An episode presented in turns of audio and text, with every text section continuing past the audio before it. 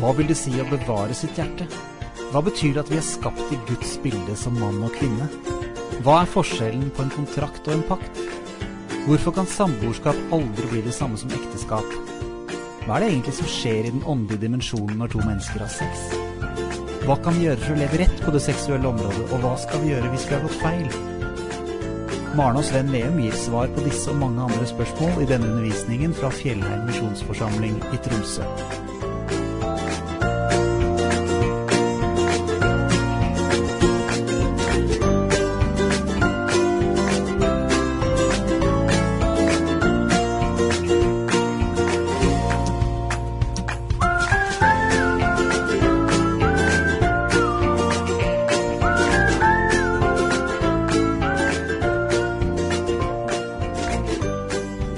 Dette bibelverset her, det er et eh, veldig viktig vers. Der står det 'bevar ditt hjerte framfor alt du bevarer, for livet utgår fra det'.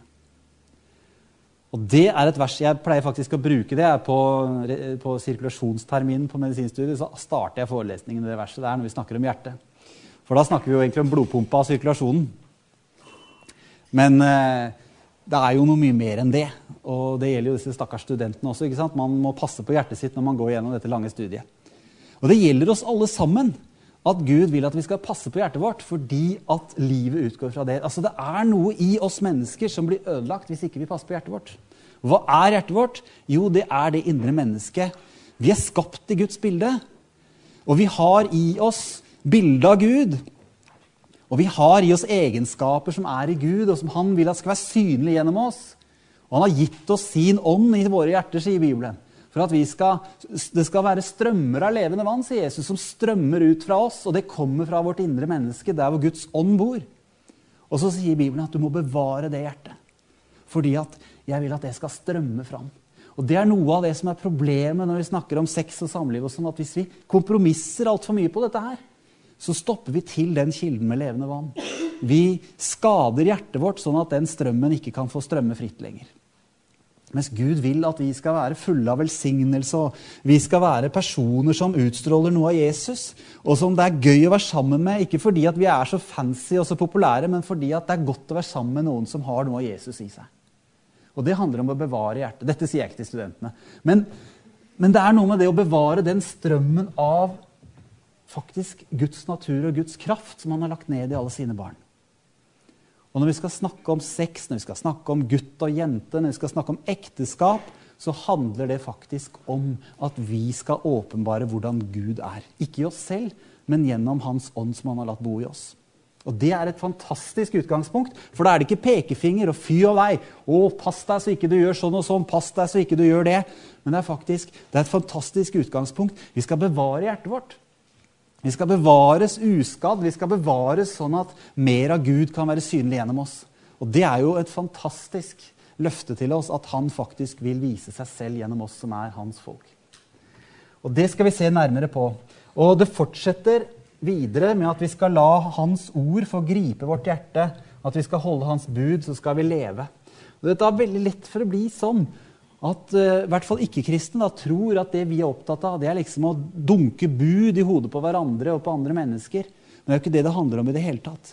De retningslinjene Gud har gitt oss i sitt ord, det er jo fordi han ønsker å bevare vårt hjerte. Dette står i samme moment som at vi skal bevare vårt hjerte.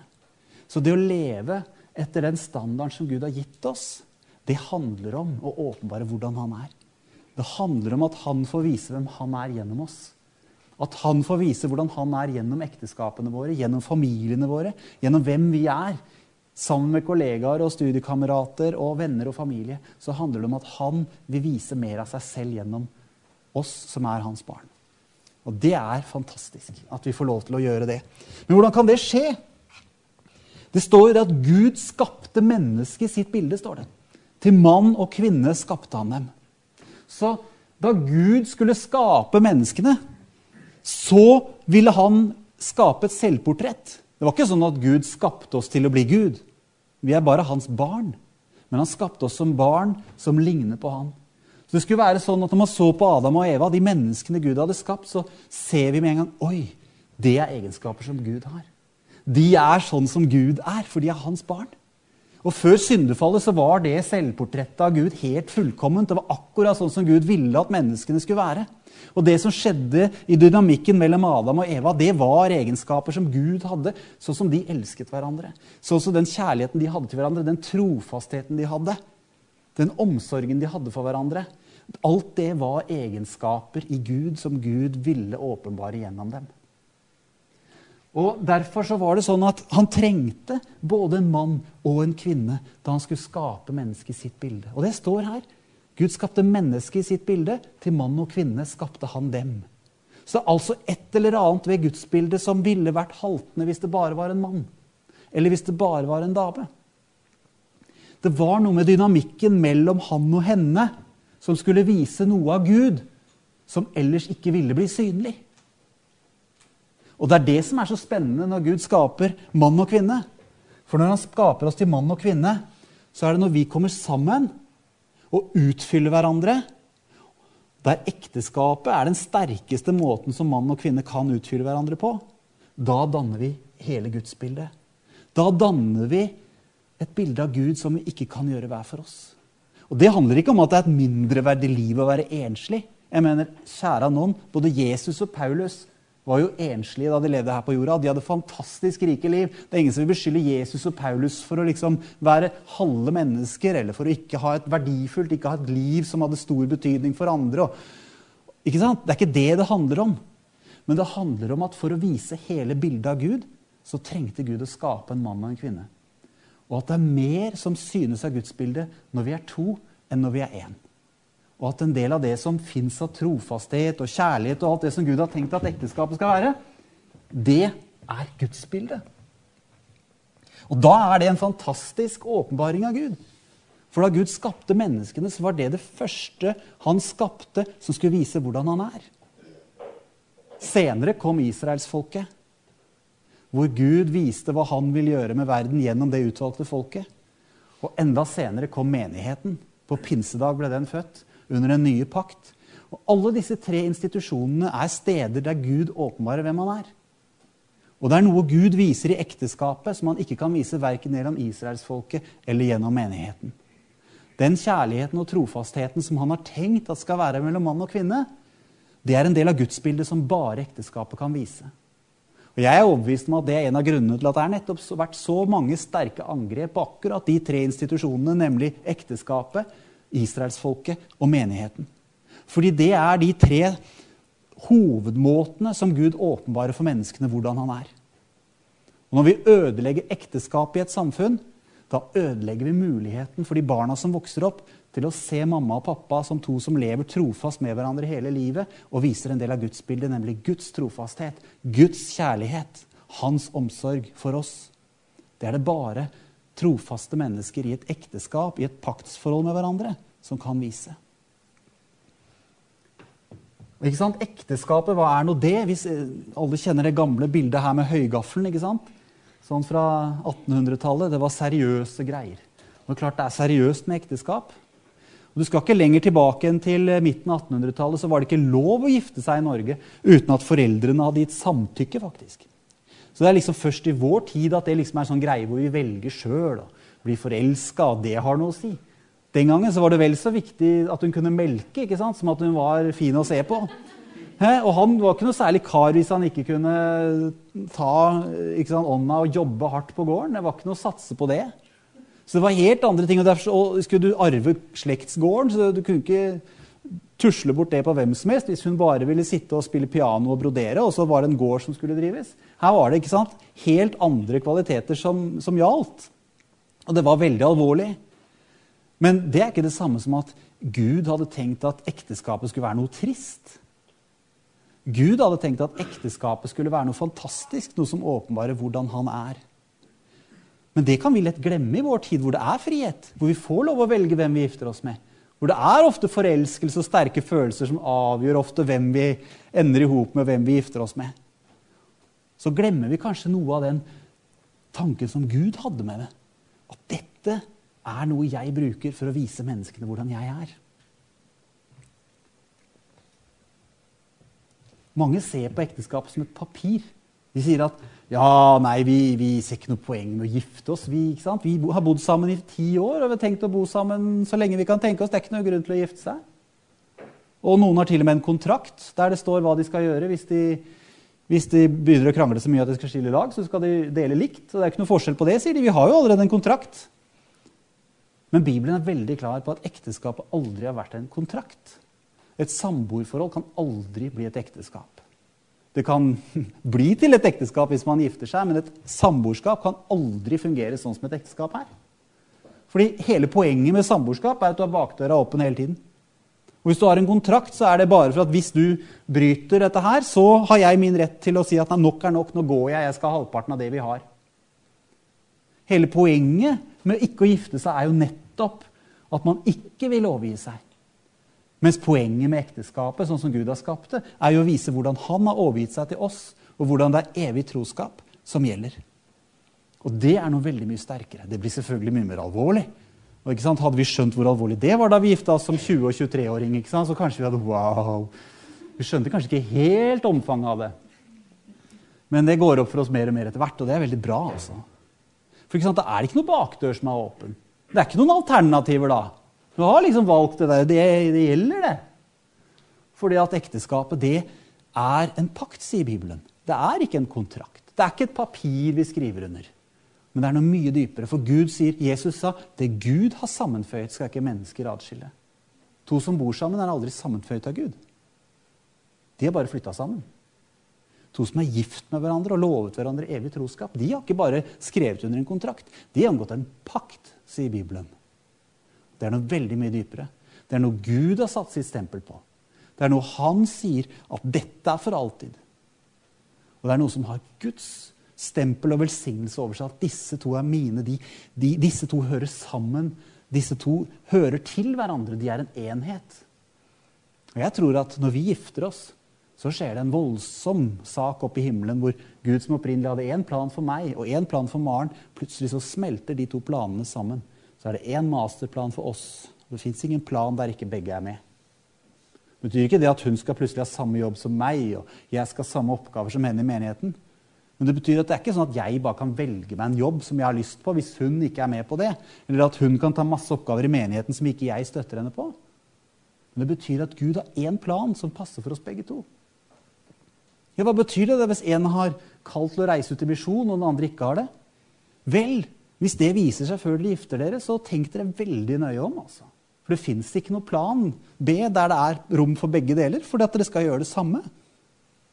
Og det betyr at den dagen dere gifter dere, så er det begge som skal reise, eller ingen. Og da må man jo spørre var det det som var det Gud hadde tenkt? At vi skulle bli hjemme fordi den ene ikke ville. Det er en stor sak som skjer i himmelen når vi gifter oss. Planene Gud har for oss, blir én masterplan for vårt liv sammen og Da blir vår jobb å finne ut hva skal vi gjøre sammen i Guds rike. Hva skal vi gjøre som ektepar, og hva er Guds plan for oss? Og Det er en veldig sterk ting. Det er noe veldig flott. Det er noe veldig, veldig bra. Og Derfor så er Bibelen veldig klar på at den sier at din ektefelle som du er bundet til ved pakt, står det. Ikke med en kontrakt. Ikke ved å skrive under på et papir, men ved en pakt. Du vet, Hvis du går på gata i dag og spør folk, hvis det hadde vært sånn fem på gata i VG, og spør liksom, ja, du kan fortelle meg hva pakt er, da hadde du fått mye rare svar. altså. Pakt? Hva er det for noe? Hva er det du kalte båten? Det, det, er liksom, det, er ikke noe, det er ikke noe begrep med mindre du har gått på bibelskole. Jeg prøvde å google en gang jeg er på ektepakt. Det står ingenting om det. Jo, det står litt på Lovdata fant jeg noe om det var noe sånn eh, lov, Norges lover om hvordan man skulle dele ved samlivsbrudd. Om ektepakt. Det var det som falt om ektepakt. Og pakt vet du, det er jo pomp og prakt. holdt jeg på å si. Altså, det, er ikke, det, er ikke, et ord som inngår i det norske språket engang. Folk aner ikke hva det er. Og det er fordi at det er rett og slett ikke noe vi har et forhold til i samfunnet i dag. Hvis du går tilbake til Bibels tid, så var det jo så alvorlig sant? at hvis israelittene inngikk en pakt med et fiendefolk som kom og hadde utslitte vesker og gammelt brød Husker du det der? De lurte dem trill rundt og sa at vi kommer langveis fra og vi vil inngå fred med dere. Og de gikk inn, inngikk en pakt, til og med på falske premisser. Allikevel så kunne de aldri angripe det folket, for de hadde inngått en pakt, og det var mer alvorlig enn at de andre hadde løyet. Ikke sant? Og når Gud inngår en pakt med oss, er ikke det fordi at ja, ja, du skal få være mitt barn så lenge du oppfører deg pent. Eller så lenge du holder deg innenfor de og de rammene, så skal jeg vurdere fra år til år om du får lov å være mitt barn. Nei, Jesus ga sitt liv for at vi skulle få lov å komme til han akkurat som vi er. Og at Når vi ønsker å tilhøre han og ta imot hans renselse og beskyttelse og hans tilgivelse, og alt det der, så er vi hans barn herfra og inn i evigheten. Det betyr ikke det at vi skal leve på tross av Guds vilje. Det er ikke det vi snakker om. Vi skal ikke synde for at nåden skal bli enda større, sier Paulus. Men det handler om at han kommer aldri til å svikte oss, for det har han bundet seg til ved pakt. Og det er et veldig mye sterkere bindemiddel i et samliv enn at man bare er så glad i hverandre. Og man har tenkt å bo sammen så lenge det går. Og vi skal satse på hverandre. Pakten har også Guds velsignelse over seg, sånn at det er han som gjør at det holder. Og så står det her i Malaki så står det det at du har vært utro mot henne enda hun er din ektefelle og din hustru som du har inngått pakt med. Det er det Bibelen sier. Når hun er din ektefelle, så har du inngått en pakt med henne. Og Kanskje det nærmeste vi kommer en pakt i moderne tid, det er å snakke om Nato-pakten. Jeg vet ikke, De av oss som er gamle nok til å huske 70-tallet, og kanskje til og med noen husker 60-tallet, da var det sånn at det var kald krig mellom østblokken med Sovjetunionen i spissen og USA på den andre siden. Og Jeg husker jeg vokste opp eh, på 70-tallet og så på TV om disse forferdelige atombombearsenalene som bare vokste på begge sider. Og vi levde i reell frykt for at en dag så kunne russerne finne på å invadere oss. Trøsten vår var at vi var med i Nato-pakten. Og at det betydde at hvis det skjedde, så visste vi at hvis bare de norske soldatene kunne holde ut en uke, så ville amerikanerne komme. Og fjellene inne på Målselv sånn var jo stappfulle av tanks og jeeps og uh, antiluftskyts og alt mulig rart som amerikanerne hadde satt der. Vi hadde ikke gitt fem øre for det. Nå kan du si at Det var ikke bare godhet. Man kan godt diskutere stormaktspolitikk. at kanskje USA hadde, hadde interesser. Det er ikke det det handler om. Men som et bilde så var det en pakt for at vi kunne aldri gjengjelde det hvis amerikanerne ble angrepet. Det var nettopp derfor det var en pakt. Vi var små og puslete. De var store og sterke. De kunne yte alt det som sto i deres makt for å hjelpe oss, selv om ikke vi kunne yte tilbake. Mens kontrakten er sånn at hvis ikke du betaler husleia, så er det full fart ut. Hvis ikke du gjør 50% av husarbeidet, så gjør i hvert fall ikke jeg 60 Og da er det ut. Da er jeg ferdig. Det er kontrakten. Og det er klart det er riktig, det. Hvis du skriver en arbeidskontrakt for å gjøre en jobb eller for å leie en leilighet, så er det klart at du skal holde kontrakten, og hvis du bryter den, så har du ikke rett til å være der lenger. Men faktisk er ikke ekteskapet en kontrakt. Det er en pakt, og det betyr at begge gir 100% det vi kan. Enten vi er sterk eller svak, og så utfyller vi hverandre. Og så er det den som er sterkest til enhver tid, som yter mest. Så kan det variere i løpet av et langt liv hvem av oss som er sterkest. Men fordi det er en pakt, så er det sånn at vi alltid er overgitt til pakten og til å yte alt det som står i vår makt, inn i det ekteskapet. Og det blir mer sånn som det blir mer sånn som Nato-pakten. Det halter litt, for dette er snakk om militært og stormakter. og sånn, Jeg er klar over det. Men det kanskje, jeg bruker det, for det er kanskje det nærmeste vi kommer begrepet pakt i vår moderne tid. Men alt dette handler jo om at Gud ønsker å vise hvem han er. Han kan ikke vise hvem han er uten pakten. For det er ingenting annet som kan vise Guds trofasthet på en sånn måte. Det betyr ikke at vi er fullkomne, men pakten er fullkommen. Guds ordning er fullkommen. Så har vi heldigvis Guds nåde til å leve ut den pakten. Og det er, det er så fantastisk med Gud hvordan han er så god, og han ønsker ikke at vi skal ta oss sammen og være flinke for å vise hvordan han er. Men han ønsker at vi rett og slett skal være hans barn, og gjennom det vise andre rundt oss hvem han er. Og det er sånn, Husker du da vi skulle på ned på en samling på, på Grimerud, der Familiefokus skulle samles, alle regionlederne. Så mens jeg satt hjemme med, med, med Bibelen i fanget og jeg, likte litt, jeg likte litt den sangen vi sang, for der sto det Ved Jesu føtter ei stille stund, når orda kjem fra hans egen munn. Når jeg med Jesus åleine er, da er det hugnad å leve her. Ikke sant? Da satt jeg nettopp sånn. Satt jeg med Bibelen i fanget. Og så var det hugnad her, vet du. Da satt jeg og snakka med Jesus. Og så leste jeg hans ord. Og så var det sånn, vet du, Hvar fins det en fagrere stad på jord? Hvar høyrest visere sanningsord?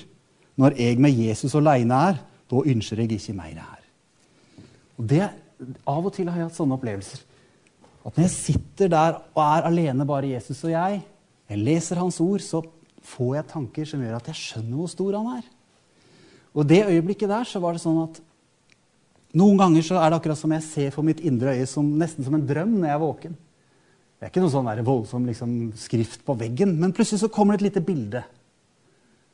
Og det jeg så, det var en plastikkpose med oransje og grønne puslespillbrikker. Hallo, nå er jeg på ferd ut av andagsstunden her, er jeg ikke det? Hæ? Nå begynner vi å tenke på puslespill. Det, det må være lørdag kvelden med ungene. Nei, men så så, så, var det bare en sånn impuls når jeg satt der aleine med Jesus og hugnad her. og alt dette her. Så satt jeg der, og så så, så jeg jeg, liksom, jeg så det glimtet av denne gjennomsiktige plastposen med alle disse puslespillbrikkene som var oransje og grønne. Og så så jeg plutselig at noen tok de puslespillbrikkene. Så var de svære, vet du, så la de dem rundt på bakken. Nede på Grimerud, der vi skulle være, så la vi puslespillbrikkene på bakken. På en eller annen måte så skjønte jeg bare at det store puslespillet det skulle lage et bilde av Gud. Og vi skulle ned og snakke om ekteskapsarbeidet. Vi skulle ned og snakke om eh, forkynnelse om ekteskap og disse tingene her. Så da jeg kom ned på Grimerud, så skulle vi dele litt om hva vi underviste om rundt omkring i Norge. og vi skulle fortelle litt hvordan det gikk og sånn. Jeg kjente at jeg hadde lyst til å fortelle om det lille hugnadsbildet der. Hugnadsbildet, unnskyld. Og så, så, gjorde jeg det. Så fortalte jeg ikke sant? Det var ikke noe sånn der, eia, det kom hele himmelen ned i stua. Det var ikke det var bare sånn enkelt bilde. sånn bing, du bare ser for ditt indre øyne omtrent som du har vært på blåbærtur, og så ser du bare bærplukkere når du skal legge deg om kvelden. Det var ikke noe mer mystisk enn det. Alle har sett det. Det vi glemmer ofte, er at den, den, den der monitoren her inne som vi ser bærplukkere på når vi har vært på bærtur, den kan også Gud av og til slå inn på den kanalen der. Så jeg delte dette her om disse puslespillbrikkene. Hvordan jeg opplevde at det, det handler litt om den jobben jeg satt til. At vi som jobber med ekteskap og familie, vi skal være med å legge det bildet som Gud har forberedt ekteskapene. Og det, det, gikk rett hjem. Det var flere som kjente at ja, det var det noe i. Og så gikk vi til lunsj etterpå, og så var det en kunstner der som heter Gro Rykkeli. Hun uh, jobber også i Familiefokus en del, og hun uh, holder til nede i Nordland. Hun var også der. Vet du, Så kom hun bort til meg. vet du hva, sa, hun, jeg opplevde, Dette her skal dere ha, sa hun. Og så ga hun oss et bilde som hun hadde tegnet. Og vet du hva det var? Det var et hjerte av en oransje og en grønn puslespillbrikke. Og det heter 'Two Hearts Intimacy Together'. Og hun hadde nummerert det. Det var et trykk nummer én av 1000. Og wow! Her er det noe, ikke sant? Da ble det plutselig Oi! Kanskje det ikke bare var bærplukkere likevel. Kanskje det var en liten påminnelse fra Gud og så begynte jeg å liksom tenke på det wow, Gud, du må vise meg ditt ord. Dette med kvinne og mann. Dette med hvordan vi er gudsbildet. Hvordan vi skal bygge gudsbildet. Hvordan ekteskapet skal åpenbare hvordan du er. For her hadde du de to puslespillbrikkene. Her hadde du mannen og kvinnen som utfyller hverandre, og som sammen danner dette hjertet. Som viser noe av Guds kjærlighet og Guds trofasthet. Et halvt år senere omtrent så skulle vi ned på Grimrud igjen. Da skulle vi undervise på noe som heter Family Ministry School. Det skulle være en hel uke, i hvert fall fire dager, for folk som skal jobbe med familiearbeid. Uh, Ungdom i oppdrag har noe som heter University of the Nations. Så Det kommer folk fra mange forskjellige land, og så samles de og har sånn familieskole i tre måneder. og Vi skulle være der en uke. Og det vi landa på Gardermoen, så kikka jeg ut av vinduet, og så så jeg liksom den klareste regn, doble regnbuen jeg kan huske å ha sett over vingen. Bare sånn kjempeklart over vingen. Wow, det var stilig, tenkte jeg. Tenkte ikke noe mer på det. Og så kom vi, på, kom vi og dro vi opp til Hamar, nesten opp til Grimrud der. Og, og, neste morgen jeg skulle ned og undervise, så satt jeg her en sånn hugnadsstund igjen. vet du. Da satt jeg her med Bibelen og bladde litt og tenkte på Jesus og, og leine med han, som det står i sangen. Ikke sant? Og plutselig så var det en sånn bærplukkerbilde igjen. Og så så jeg en regnbue. Hva er dette for noe, liksom? Så plutselig falt brikkene på plass. Hva, hva er regnbuen, da? Det, det, det er jo paktstegnet som Gud ga til Noah for å vise hans trofasthet mot sitt folk. At han aldri mer skulle ødelegge verden med vann. Og at det var paktstegnet. Og så plutselig så jeg hm, det derre grønne og oransje, tenkte jeg. Det er jo her i regnbuen. Her har du oransje, og her har du grønt. Det er ikke sånn at det er enten oransje eller grønt. Det er sånn jevn overgang mellom fargene. Så plutselig så var det som liksom femkroningen datt inn. Det er jo sånn Gud har skapt oss. At vi er mann og kvinne. Vi er en del. Regnbuen er jo Vi har latt New Agerne og homobevegelsen stjele regnbuen, men det er jo her i boka det står jo regnbuen. Det er han som har skapt den. Det er jo paktstegnet til Gud. Og hvis vi skal vise Guds pakt gjennom ekteskapet, så er det nettopp det at kvinnen representerer kanskje det varme, det røde.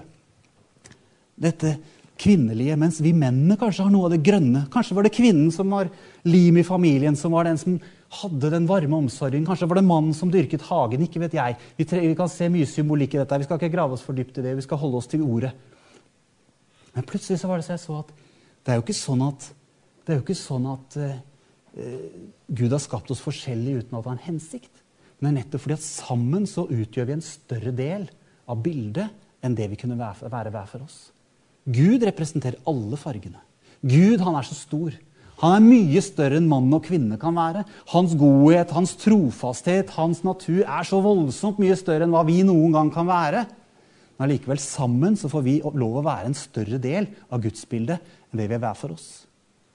Samtidig er det ikke sånn at Gud, fordi han er far, så kan ikke han ha kvinnelige egenskaper. Gud i sin omsorg er jo langt mer omsorgsfull enn noen kvinne kan være i sin ufullkommenhet. Og Gud i sin styrke og maskulinitet er jo langt sterkere enn noen mann på denne jord kan være. Og så ser vi hvordan Gud har i seg de egenskapene som både mann og kvinne er bærer av. At vi får lov å vise noe av det sammen. At det er en fantastisk oppgave vi har som mann og kvinne. For da Gud skapte menneskene til mann og kvinne, så var det som bilde av Han. Og da han skapte det som har med sex å gjøre, så var til og med det noe som hadde med Guds bilde å gjøre. Til og med det var ment å være noe som skulle vise hvor god Gud er. Er går det an, det, ja? Vi har jo sett så mye slibrigheter i denne verden. Det var ikke Gud som skapte noen slibrigheter. Det var Han som skapte oss til mann og kvinne. Det var han som sa 'vær fruktbar og bli mange'. Det var han som sa at vi i vårt ekteskap skulle være et bilde av han. Og når Paulus snakker om mystikken mellom mann og kvinnen Dette er et mysterium, sier han. Da snakker jeg om mann og kvinne, og så snakker han om Kristus og menigheten. At forholdet mellom mann og kvinne i ekteskapet og det som skjer i det intime samlivet der, det er et bilde på det som skjer mellom Kristus og menigheten. Da betyr det at selv det mest intime i et ekteskap er noe som skal få lov å være en del av gudsbildet. Ikke for at andre skal se det, for det er noe høyst privat. Men det er noe med at når mennesker kommer så nær hverandre som vi kan gjøre i det intime samlivet i et ekteskap, så er det så nær hverandre som to mennesker ellers ikke kan komme på denne siden av evigheten. Det er noe hellig, det er noe godt. Det var noe Gud skapte allerede i Eden. Når han sa 'vær fruktbare', så var ikke det for at liksom, det skulle vokse ut pærer og epler på oss. Men det var, jo, det var jo faktisk for at vi skulle få barn. Da. Hvordan skulle det skje hvis ikke, hvis ikke vi faktisk også skulle være sammen intimt? Ja, men de kan ikke ha gjort sånn i Eden. Det er jo helt sprø. Nei, Det står ikke noe om at de rakk å gjøre det. for det står, Vi vet ikke hvor lenge de var i Eden. Og det står at Adam holdt seg til sin hustru og fødte Kain. sånn at det, det kan godt tenkes de var så vi vet jo ikke hvor lenge Adam var i paradis. Det er jo sånn ordspråk, det der. Vi vet ikke hvor lenge han var i paradis, men det var ikke sånn at Gud hadde tenkt at hvis de noen gang skulle være sammen seksuelt, så måtte det bli etter syndefallet. Liksom, tror vi liksom at når de skulle være fruktbare der i Eden, så skulle de liksom være sånn blomster og bier? At man hadde sånn øh, støv, Mannen hadde sånn støvbærere oppi hodet. ikke sant? Og så hadde kvinnen hadde sånn, så det var sånn som blomster. ikke sant? Så kom biene og liksom, så spredde seg til kvinnen, og så ble hun med barn. ikke sant? Tror vi det? Nei. Da hadde han ikke trengt å si 'vær fruktbare'. Da hadde jo kunne sagt til biene da, sørg for at det blir litt frukt her. Men, Eller tror vi kanskje det at Nå sier de litt sånn flåste, men tror vi, tror vi virkelig det at, at Adams tisselur vokste ut etter syndefallet? Nei, det er ikke sånn vi snakker ved kirken. Nei. Men det er litt sånn vi oppfører oss noen ganger som dette er så skittent og så snuskete at det er i hvert fall ikke noe vi snakker om i kirka.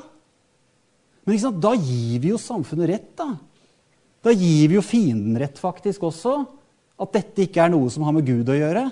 Men tvert imot så er det noe Gud har skapt, og noe som er hellig og godt. og Det er derfor det er blitt så ødelagt. Nettopp fordi vi vet at Satan angriper alt som åpenbarer Gud, enten det er ekteskapet, Israels folk eller menigheten. Han angriper de åpenbaringsstedene som er, og prøver å skitne det til. Alt vi ser av skitten sex rundt omkring i verden, er et angrep direkte på gudsbildet. For det var aldri meningen at dette skulle skje i de formene som skjer rundt omkring. Aldri meningen at det skulle være noe tilfeldig fra person til person. Det var ment at det skulle være innenfor pakten av hellighet og renhet og trofasthet. Og så skulle det være noe fantastisk som er med og bygger inn gudsbildet i de menneskene. At man blir så knyttet til hverandre i den enheten det skaper, at man kan vise enda mer av Guds kjærlighet både til hverandre og til barna man har, og til de menneskene som er rundt oss. Og Da blir det en gave. Da blir det noe som viser hvordan Gud er. Det står jo faktisk det. Hvis vi går tilbake i boka og leser i første Mosebok, så står det faktisk her at mannen skal forlate sin far og sin mor og være knyttet til sin hustru, og de to skal være ett kjød. Og hva er ett kjød? Jo, det ser vi mange eksempler på i Bibelen. Det er rett og slett å være sammen seksuelt. Det hører med når man er gift, men det hører ikke heller med noe annet sted. Og så står det faktisk at de var nakne både Adam og hans hustru. Men de skammet seg ikke. Vet, når vi ser sånne bilder fra Eden, så er det jo fikenblad og sånn. Men det var jo etter fallet. Med en gang de hadde falt, så var det fikenbladene kom på plass. Før Gud fikk laget klær, til, klær av skinn til dem, står det. Men i edene de hadde ikke behov for å kle seg med klær. De var kledd i Guds herlighet. De. Det var ikke noe urent i det. De var nakne, både Adam og hans hustru, men de skammet seg ikke. Det var etter syndefallet at de oppdaget, står det, at de var nakne. Og så fikk de behov for å dekke seg til. Og det er etter syndefallet at vi har problemer med nakenhet, hvor det fort blir noe urent. Men Gud har jo ikke tenkt at det skal være noe urent i ekteskapet. Gud har jo ikke tenkt at det skal være noe skittent mellom mann og kvinne i en livslang pakt. Gud har jo gjenopprettet oss tilbake til den relasjonen med Han som vi hadde før fallet. Det er ikke lenger noe hindring mellom oss og Gud fordi at Jesus har båret vår synd, og vi får lov å være sammen med Han så mye vi vil. Og i den pakten som vi har med vår ektefelle, så er også det rent. Det er også det en del av gudsbildet. Og det trenger vi å ta tilbake. Vi trenger å se at noe av den mystikken der også faktisk handler om Gud.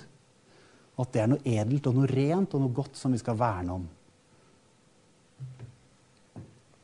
Alle kjenner jo historien om blomsten og biene, eller om sædcellen og egget.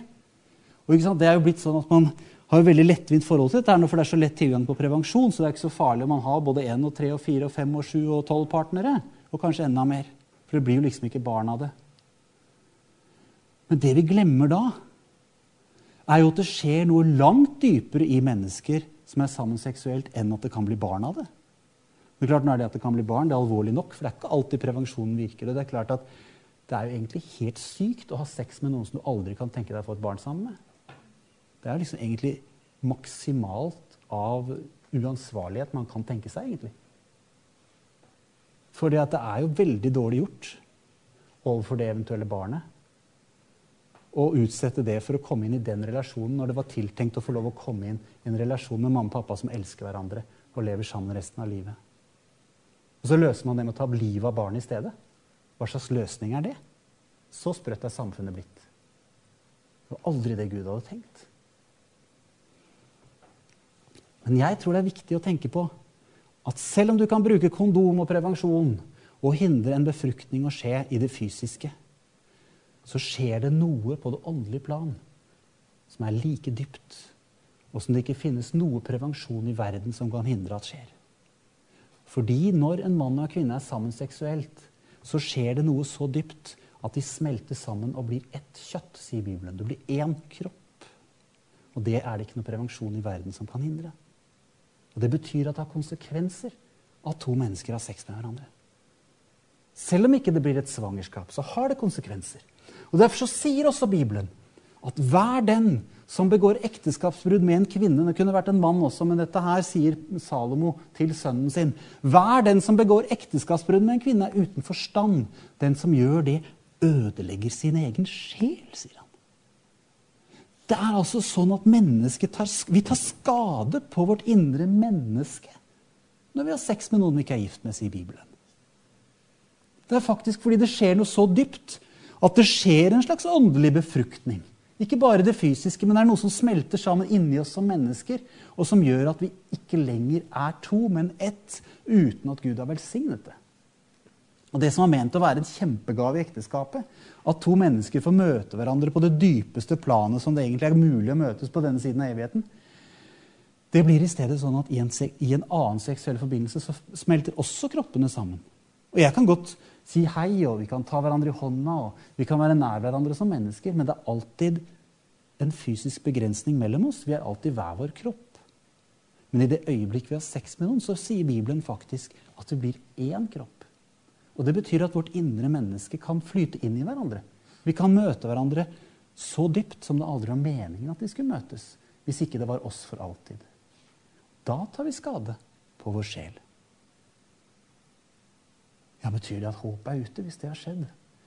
Nei, vi lever under den nye pakt, hvor Jesus både tilgir og helbreder og gjenoppretter. Dette er ikke noe vi leker med. Dette er ikke noe vi tar sjansen på. Dette er ikke noe vi liksom tar lettvint når Bibelen snakker om det på den måten den gjør. Hvem har lyst til å ødelegge sin egen sjel? Og faktisk er det sånn Når Paulus snakker om dette for korintermenigheten, det kjenner dere som går bibelskole, vet sikkert at korintermenigheten det var litt av et sted. altså. Der var det mye rart som skjedde selv i menigheten. Du vil helst ikke høre om alle de tingene som skjedde der, også seksuell umoral. Sånn. Korint var jo en skikkelig bule. altså Det var en forferdelig by hvor det skjedde veldig mye umoral. Men der, når Paulus skal undervise om hva som skjer når to mennesker er sammen seksuelt, så han, bruker han det mest ekstreme eksempelet du kanskje kan tenke deg, nemlig at det går til en prostituert. Det er ikke forelskelse engang. Det er i hvert fall ikke kjærlighet. Det er det mest brutalt begjærstyrte du kan tenke deg når du betaler penger for en prostituert som hundrevis av menn har betalt for det samme før, bare for å tilfredsstille dine egne lyster. Det er noe av det mest simple du kan tenke deg på det seksuelle området. Allikevel, sier Paulus, den som holder seg til en skjøge, er ett legeme med henne. Fordi det er sagt de to skal være ett kjøtt. Men den som holder seg til Herren, er én ånd med ham. Så han sier at selv i en sånn relasjon hvor det er en prostituert, så går du så dypt inn i den personen at det er ikke lenger noen fysisk begrensning. Du er ett legeme med henne. Og Det betyr at all den synden og alt det som er inni henne, får fri flyt inn i deg. Og de problemene du har, har fri flyt inn i henne. Og så skjer det en miks, ikke av renhet og hellighet og alt det som skal være i ekteskapet. Men det skjer en miks av synd og urenhet og mørke. Åndelig mørke. Og Derfor er det ikke uten konsekvenser å gjøre dette. Og Det gjør plutselig at det er ikke så veldig attraktivt. Hvis vi får den åpenbaringen der fra Gud av hva som faktisk skjer hvis vi har sex med noen vi ikke er gift med, og hvis vi bryter ekteskapet, eller hvis vi er utro, eller hvis vi har en seksuell tilfeldig forbindelse Hvis vi virkelig hadde sett hva som skjedde i det usynlige, så hadde vi helt mistet lysten på det.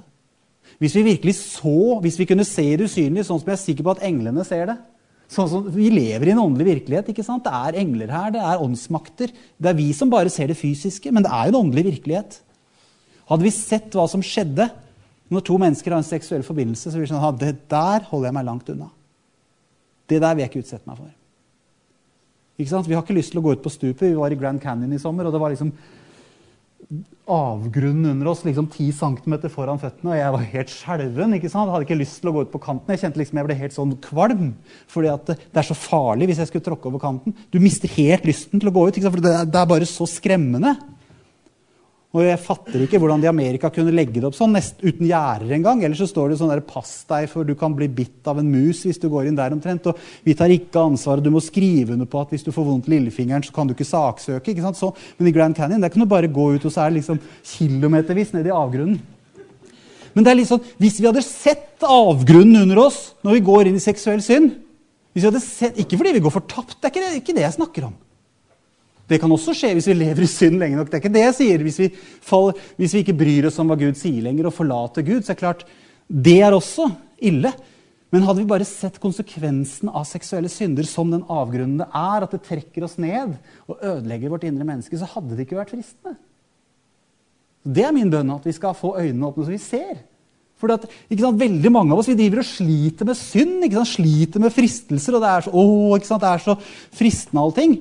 Men hvorfor er det fristende? Det er jo bare fristende hvis du tror det går greit å gå utenfor. Det er ikke veldig fristende hvis ikke du er suicidal og bare Så ramla det ut i Grand Canyon, liksom. Jo, men det, det er det det handler om. Vi, skjønner ikke hva som er farlig. Du har ikke lyst på noe som er så farlig hvis du har livet kjært.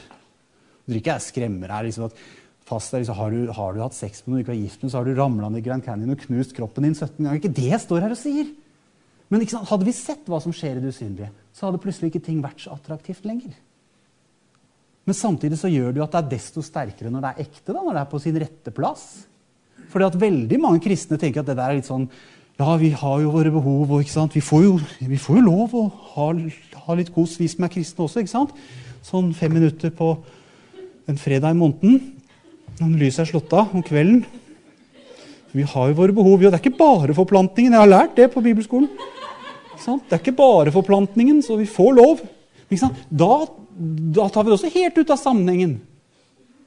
For her, Det skal ikke være en avgud, det skal ikke være det viktigste i livet. For det kan det bli for kristne òg. Det kan bli liksom at det går over alt annet. Det er ikke det som er meningen, akkurat som vi kan fråtse i mat, og det blir en avgud. Men Gud har jo gitt oss disse gavene for at det skal være en velsignelse i sin rette sammenheng. Og da er selv det med på å viser noe av Guds bilde for oss. Akkurat som den som holder seg til Herren, ble én ånd med Han. Så når vi er én kropp, da smelter kroppene våre sammen, sånn som vi ser her. Og det er en fantastisk velsignelse i sin rette sammenheng. Jeg tror det er en av grunnene til at gamle ektepar blir så, vi blir rare sammen, sier vi. Ikke sant? Vi, vi blir mer og mer lik hverandre. Vi, vi vokser sammen. Og hvis vi lever i åpenhet og ærlighet med hverandre, så, så, vil også det seksuelle bidra til at fordi vi møter hverandre dypere enn noen andre mennesker kan møte hverandre, så er det noe med at personligheten vår former hverandre også. Og det er også en gave.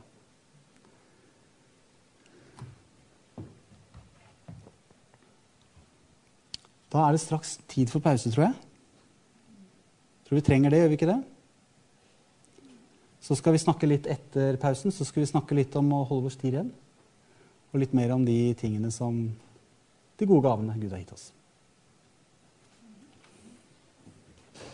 Når man ser dette her, så virker det jo veldig alvorlig. da, At man smelter sammen med en annen person.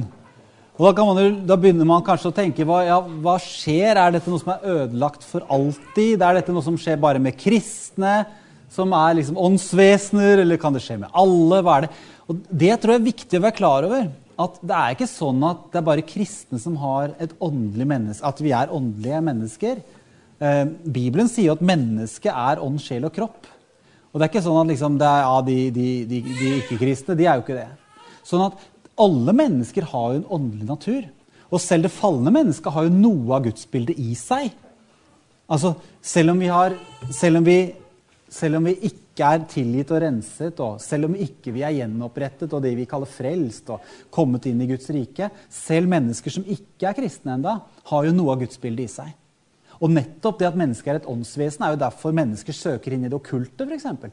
Fordi vi har en enorm lengsel etter det overnaturlige, etter det å være sammen med Gud og etter Hans ånd og etter Jesus. Og Det er nettopp det som gjør at mennesker søker det overnaturlige også utenfor Guds rike, selv om det er feil.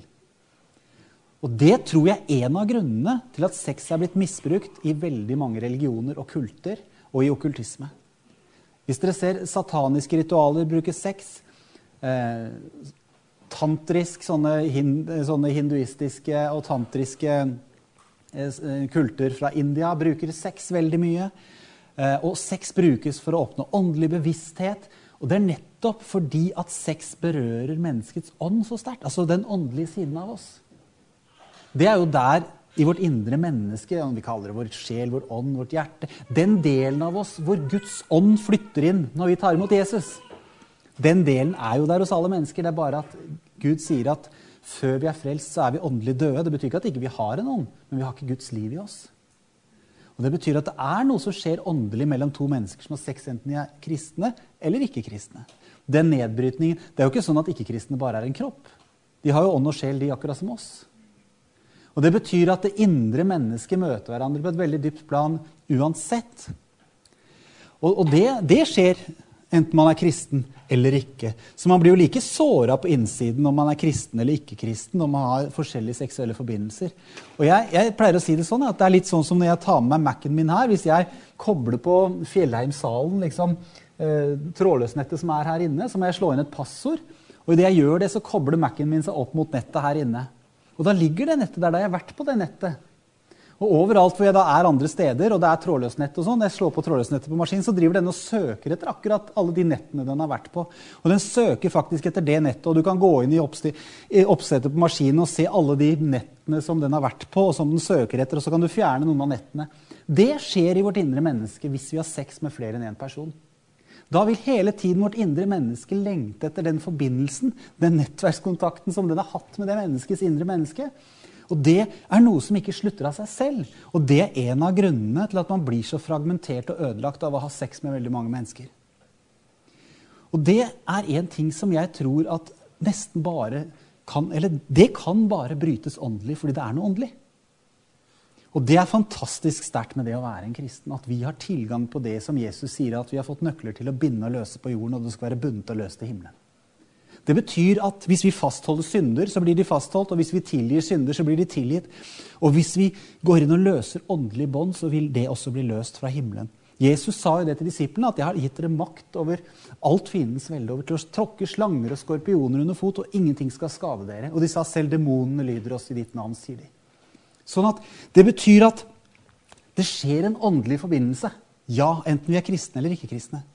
Det som er den fantastiske nyheten i den nye pakt, nå som vi har fått Jesus på innsiden og Hans ånd, etter at Jesus døde for oss, det er jo rett og slett at vi har fått myndighet på jorden til å løse og binde. Og det betyr at selv om noen har falt, selv om noen har syndet på det området, selv om deres ånd hele tiden søker etter det andre menneskets indre menneske, selv om man hele tiden har denne lengselen etter å forenes igjen, som kanskje er umulig fordi det var en sexpartner for flere år siden, så er det noe når vi bekjenner det som synd. Så sier Bibelen at når vi bekjenner våre synder, er Han trofast og rettferdig, så Han tilgir oss syndene og renser oss for all urett. Det er 1. Johannes 1,9. Og det vi i tillegg kan gjøre, det er at vi kan si i Jesu navn, i Jesu Kristi navn, så klipper jeg den uhellige, den vanhellige, den åndelige forbindelsen til den personen. Så det gjør vi når det er kommet folk til oss som sier de har gått for langt, og sier at de angrer på det, og de, de kjenner at det var feil, de har ikke vært gift med hverandre. Så vi leder dem faktisk gjennom en slags befrielsesbønn. Ikke fra demoner eller noe sånn voldsomt spektakulære greier. Rett og slett fra hverandre. Vi ber dem å tilgi hverandre. Be hverandre om tilgivelse for at de har gått for langt. At de har gjort noe som var feil. Og så sier vi at vi skal bryte den forbindelsen som har oppstått. Og så gjør vi det. Og så sier vi i Jesu navn, så bryter vi den åndelige forbindelsen som har oppstått. Og så blir det brutt. Fordi at vi har fått makt til å løse på jorden, og det skal være løst i himmelen. Og Vi kan gjøre det i Jesu navn. Og da kan vi bryte det som har vært, og så kan man, kan man få begynne på nytt. Det Sven henviser til her, er jo når vi har eh, eh, samtaler med par som skal gifte seg. Og da eh, gjelder jo dette her eh, selv om man skal gifte seg om to måneder. Så bare at du bare presiserer litt det. Ja. Mm. For mange tenker jo sånn at eh, Vi har sett i mange menigheter nå, så er det sånn at eh, hvis noen flytter sammen, før de har gifta seg, så er det ikke noe man liker, men man snakker heller ikke om det. Og særlig hvis de allerede er forlova og de har jo tenkt å gifte seg, så dysser vi det ned. Og det skjer langt inn i såkalt bibeltroende kretser. Og det er litt sånn at man tenker at bare de gifter seg, så blir ting i orden. Problemet er at de gjør jo aldri det av seg sjøl. For hvis det er synd, hvis det er at man har tråkket over grenser til hverandre som ikke var meningen å tråkke over før det var velsignet av Gud, så har man invadert hverandres privatliv. Man har invadert hverandres indre menneske. Hvis man aldri tar et oppgjør med det, så blir ikke det automatisk bra når man gifter seg. Derfor er det kjempeviktig å bestemme seg da, før man gifter seg, at vi, vi, vi omvender oss fra det. Og så ber vi hverandre om tilgivelse, så ber vi Gud om tilgivelse. Og så sier vi Jesu navn, så klipper vi over den forbindelsen som har skjedd, og som var feil. Så får vi begynne på nytt. Det er jo det fantastiske med å leve under den nye pakt.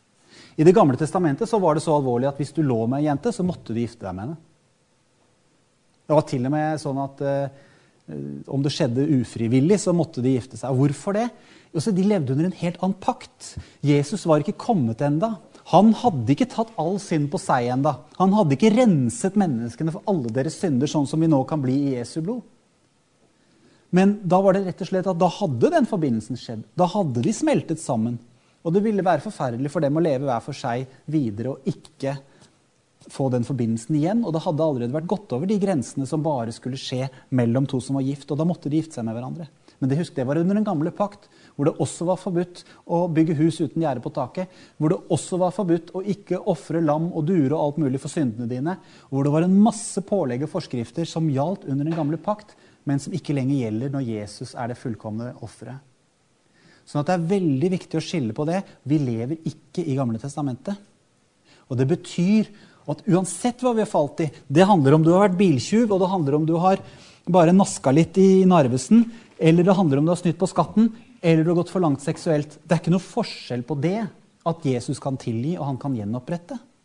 Forskjellen er bare det at det står at den som synder seksuelt, synder mot sin egen kropp. står Det Det er ikke det at det er en verre synd som Gud straffer deg verre for. Gud straffer ikke for synd, for han straffet Jesus. Han gjenoppretter oss og renser oss for synd når vi kommer til han. Men det er det at det er en synd som hvis vi ikke gjør noe med det, så skader det vårt indre menneske mer enn de fleste andre synder. Men det betyr ikke at ikke Jesu blod er der til å gjenoppreise og rense fullstendig også fra det. Det er når vi tar lettvint på det og ikke ber om Jesu renselse, at vi har et problem. Og Derfor så tror vi at veldig mange problemer som en del kristne sliter med, som har starta for tidlig på det seksuelle området, handler nettopp om det at de aldri tok et oppgjør med det. De aldri ba hverandre om tilgivelse. Og så ble det skyldfølelse rundt det. Og hvordan skal du da, hvis du har levd i skyldfølelse hver gang du har hatt sex helt til du gifter deg, og så skal du plutselig ha det flott på bryllupsnatten, liksom, og så skal du plutselig ha et bra sexliv, liksom? Når alt har vært kobla opp med skyldfølelse, og du vet at dette har vært feil hele veien, da er det viktig at det blir en stopp og sier OK, vi gikk for langt. Det var en synd på lik linje med om jeg hadde stjålet uh, tyggegummi på Narvesen eller strytt på skatten eller hvilken som helst annen ting. Og det, det, ber vi om tilgivelse for. Og vi ber også hverandre om tilgivelse. Og så sier vi Jesu navn, så klipper vi over den forbindelsen som ble, som var feil. Så starter vi på nytt. Det fantastiske er at da får vi starte på nytt. Og da kan du si at ja, hva med en som har blitt voldtatt, da, f.eks.? Det er jo helt forferdelig. Grunnen til at det er så forferdelig, hvis du blir misbrukt eller voldtatt, er jo nettopp fordi at det mennesket invaderer hele din ånd, ditt indre menneske, din sjel. Det kommer inn i din kropp. Det er forferdelig traumatisk. Men det er ikke dermed sagt at livet er ødelagt. Det kan være tungt å reise seg fra det. Det kan være en lang eh, prosess å bli gjenopprettet og helbredet. Men det vi må huske på, at der også har vi fått myndighet til ikke bare å eh, gå videre, men faktisk til å klippe den forbindelsen også. Og Jeg tror det er kjempeviktig at vi ber for hverandre hvis det er sånne ting, og at vi i Jesu navn klipper over den forbindelsen til den personen. Selv om det er noen som har, som har gjort noe imot oss, så kan vi få lov å gjøre det i Jesu navn. Det skal ikke være noen uren forbindelse mellom meg og den personen. Og det handler ikke om at du har gjort noe feil, som har blitt voldtatt. Men det handler om at den personen skal ikke lenger få ha makt over deg. På det usynlige planet. Det kan kanskje høres lettvint ut. Det er ikke lettvint. Men det vi må forstå at det skjer ting i det usynlige. Og det er ting som vi kan gjøre noe med. Det er der vi som kristne er en fantastisk særstilling i forhold til alle andre. At vi har tilgang på himmelens ressurser og til å be Gud inn i de situasjonene og bruke Jesu navn til å løse. Og det er veldig, veldig viktig. Så det er ikke sånn at liksom fordi man har gått for langt, så er man nødt til å gifte seg med den personen. Det var Gammeltestamentet. Men man trenger å be hverandre om tilgivelse, man trenger å bli renset og man trenger å bli tilgitt. Og da får man faktisk lov å starte helt på nytt. Noe helt annet kan være tilliten. Det er klart at det kan være at den man skal gifte seg med, syns det er veldig vanskelig. Særlig hvis den har følelse av at dette har du egentlig aldri gjort ordentlig opp. Så er det klart det er kjempevanskelig. Men det handler ikke om at ikke Gud tilgir, at ikke Gud renser. Og at Gud gir en ny begynnelse. Og så er det viktig å snakke med den man skal gifte seg med, hvis det er tilfellet at man har hatt forskjellige kontakter, eller om det bare var én, om det var én gang eller flere ganger. At det ikke er noe som kommer opp med en bombe tolv år inn i ekteskapet, liksom. Men at det faktisk er åpenhet, at vi lever i lyset også på de tingene der. Og forteller litt om hva som er bakgrunnen vår, og hva som har skjedd.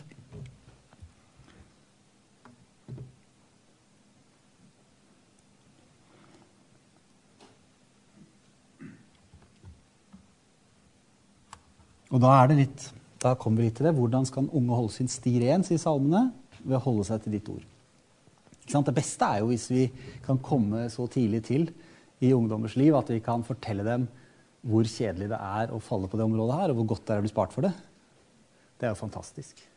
Hvis du kan holde din sti ren og slippe å falle på det området, så har du spart deg for så mye sår og vanskeligheter. Så det er det sterkeste. Dette er ikke noe vi leker med, det er ikke noe vi liksom gambler på at ja, ja, men det fins jo, vi lever jo i en ny pakt, så jeg bare ber om tilgivelse. Det er ikke lettvint. For det vil alltid være sårt og vanskelig. Men det er ikke sagt at det ikke er en ny begynnelse. Har det skjedd, så er det en ny begynnelse. Det er ikke noe forskjell på det å ha gjort andre ting og få en fullstendig ny begynnelse. For alle har syndet og mangler Guds ærlighet, sier Bibelen. Men ufortjent av Hans nåde blir vi erklært rettferdige. Av det Jesus har gjort for oss. Fordi han ble til synd for oss, så har vi blitt gjort rettferdige.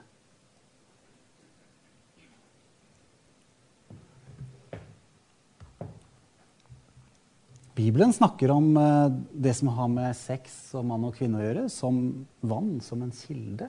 I ordspråkene så står det at du skal drikke vann fra din egen brønn.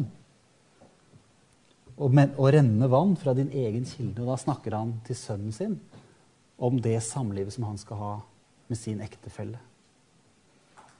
Det er fordi dette er noe rent. Dette er en kilde til noe godt. Og det er når vi skitner det til, at det ikke lenger er rent og godt. Nå snakket jeg litt om sånne blåbærplukkerbilder her i stad. Og det var et annet sånt bilde jeg hadde her når jeg skulle til Kristiansand her i våres. Jeg sier ikke at dette, dette er ikke åpenbaring på linje med Guds ord. Eh, det er like lite åpenbaring som at jeg ser et tre i skogen, og det minner meg på noe i Guds ord. Så dere må ikke misforstå meg, men av og til så kan Gud gi oss sånne små glimt som gjør at vi skjønner Guds ord enda bedre, og at vi går inn i ordet og ser hva ordet sier. Og et av de glimtene jeg fikk når jeg skulle forkynne om dette her i Kristiansand, mens jeg satt og hadde en sånn fin stund med Jesus som vi sang om i sangen her, det var at plutselig så var det som jeg så et sånn glimt av en, kvinne, en jente som koste seg i sommerregn. Og det er ikke så ofte vi gjør det her i Nord-Norge, for det er så surt når det regner. Men sånn varmt sommerregn vet du, som det kan være sør på Dette er jo Kristiansand, så det passer jo godt. Ikke sant? Når det er 22 varmegrader og varmt regn, og sånn friskt og godt du liksom, Det plasker ned, og du kan drikke vann. Og jeg så en sånn dame, jente som dansa rundt og fryda seg i det rene vannet som kom ned fra himmelen. Og så var det som jeg liksom fikk en sånn tanke at wow, det er sånn Gud har ment at dette skal være. Dette er noe rent og godt fra himmelen. Vannet øser ned. Drikk vann av din egen kilde. Dette er en gave fra Gud. Det neste sånn lille glimtet jeg så, det var en mann som lå i rennesteinen i sølepytten, og så lå han og drakk som en hund av sølepytten. Så plutselig slo meg tanken at det er jo akkurat det samme vannet. Det er bare at det ramla ned på bakken og blanda seg med hundemøkk og søle og skit på bakken. Det er det samme vannet, det er den samme gaven fra himmelen, men den er blitt skitnet til. Det er hele forskjellen.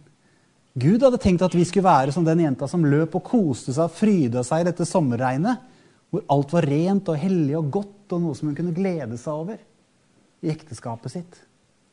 Men når vi drar det ut av sammenhengen, så søler vi det til.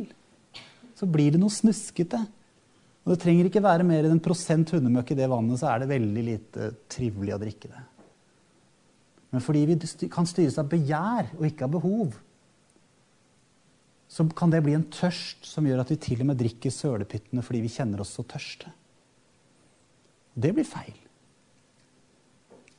Og da blir selvfølgelig utfordringen at vi må få dette i sin sammenheng og se hva det Gud hadde tenkt med det, og forstå hva som skjer når vi driver det ut av sammenhengen, så det ikke blir så fristende. Og Der tror jeg Gud vil gi oss lys, så vi ser hvorfor dette ikke er fristende. Du skjønner hva som skjer med ditt indre menneske når du drikker sølevann. Da er det ikke så fristende lenger. Selv om jeg er tørst, så er det veldig lite fristende å ta vann fra gata i Storgata og drikke det. Vi skal ikke ha så mye lys og åpenbaring for å skjønne at det er ikke noe godt, når du heller kunne drukket rent vann. Og det er ikke sånn at vi må ha sex. Det er også en løgn. Jeg mener Paulus og Jesus de levde uten sex. De levde uten en ektefelle. Men de levde et liv med Gud, og de fikk fylt sitt åndelige indre behov fra Gud. Og det er det som er så viktig. At hvorfor har mennesket denne lengtingen etter sex på feil måter? Det ene er at det er en gudgitt gave for at vi skal ha lyst til å gifte oss med noen. Det er én ting. Men også fordi at hvis man har et vakuum inni seg hvor man ikke har kontakt med Gud og med Hans ånd, så vil vårt åndelige, vårt indre menneske søke etter andre ting som fyller et tomrom inni oss. Og det er veldig lett, fordi, nettopp fordi sex er noe åndelig, nettopp fordi at det å smelte sammen med en annen person er noe åndelig, så kan det bli en veldig sterk avgud som fyller det tomrommet i oss i stedet for at Gud gjør det. Fordi vi har en åndelig lengsel. Egentlig er det en åndelig lengsel etter å smelte sammen med Gud, og etter hvert med ektefellen. Men Paulus sier jo det, hadde ikke jeg hatt så godt ekteskap, så hadde jeg nesten jeg vet ikke om jeg nesten hadde tålt å lese Paulus og hans varme anbefalinger for singellivet. Han sier det er jo fantastisk, sier han. Han hadde en nådegaven, sier han. Noen har den nådegaven, andre har en annen nådegave. Så snakker han om den nådegaven der å leve som enslig. Det er fantastisk, Han kan jo reise rundt 24-7 og bare preke evangeliet og dra fra menighet Han kan sove med hodet på en stein. Han kan være sulten. Å, så menighetene vokser vet du, og planter menigheter her og apostel der og forkynner der og skriver brev. Fengsel det gjør ingenting. Og bare Guds ord blir forkynt, bare evangeliet. Å, det er sterkt! Kunne ikke gjort som hvis jeg hadde kjerring. vet du. Se på Peter og de andre. vet du, De må jo reise, ta vare Ikke sant? Og så, Samtidig sier han jeg hadde jo hatt rett på å ha en kone, ja, sånn som Peter og de andre. men, men å, det er så fint å være enslig, sier han. Jeg skulle ønske alle var som meg. Ikke sant? Hvordan kan han si det? Jo, fordi at det åndelige behovet som en kone kunne møtt på det seksuelle området, det møtte Gud. For det er et åndelig behov. Ikke sant? Og Det betyr at vi kan koble det der på Gud. For meg var det en fantastisk lys fra himmelen da jeg skjønte det da jeg var tenåring. Og jeg plutselig skjønte at jeg kunne koble på Gud, og at jeg kunne få fylt opp den tanken fra Gud. Det er fantastisk. Og det er nådegave. Det er ikke noe vi gjør oss sjøl. Og det er like åndelig som en nådegave til å forkynne Guds ord eller gjøre andre ting i Guds rike. Og det er ikke sånn at noen bare har fått den nådegaven. Noen har fått den for hele livet, sånn som Paulus. Vi andre vi trenger den nådegaven til vi blir gift. Og den er for alle. Det er ikke sånn at det er umulig å leve til Guds standard.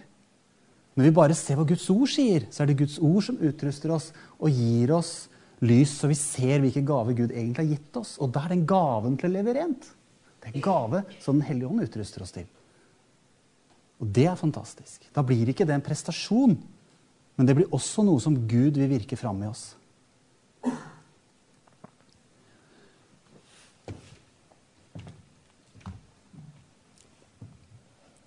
En annen ting som Bibelen sier om sex, er at det er som en ild.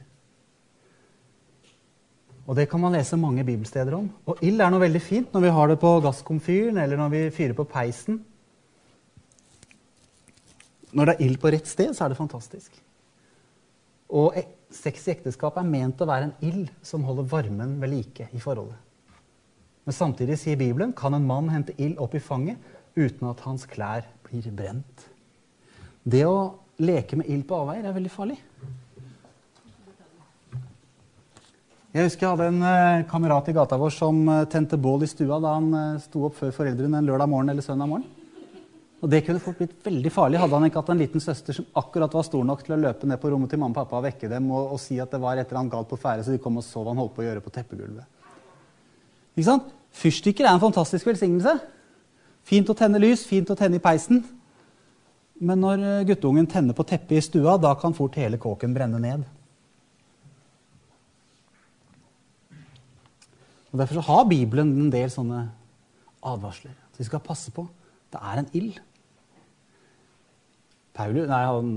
Salomo sier til sønnen sin ikke sant? du skal ikke begjære hennes skjønnhet i ditt hjerte, og la henne ikke fange deg med sine blinkende øyne. Hadde han snakket til dattera si, så han sa at du skal ikke la deg lure han sleipe fyren der som er så kjekk og har så morsom humor og er så veldig grei, ser det ut til, men innerst inne så er han en slesk og bare vil lure deg i seng. Ikke sant? Her snakker han til sønnen sin. Men det er noe med å være på vakt. Passe på hva vi bruker øynene våre til.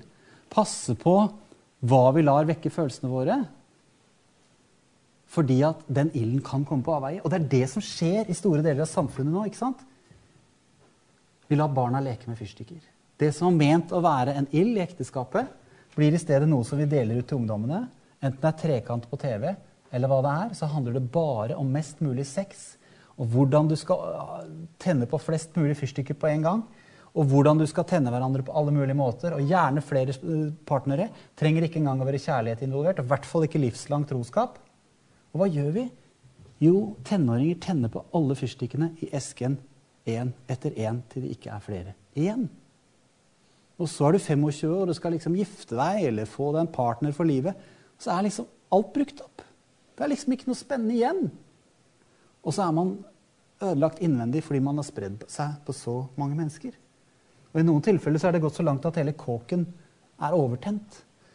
Og Da kan brannvesenet komme og prøve å slukke dette her, og vi kan prøve å helbrede det.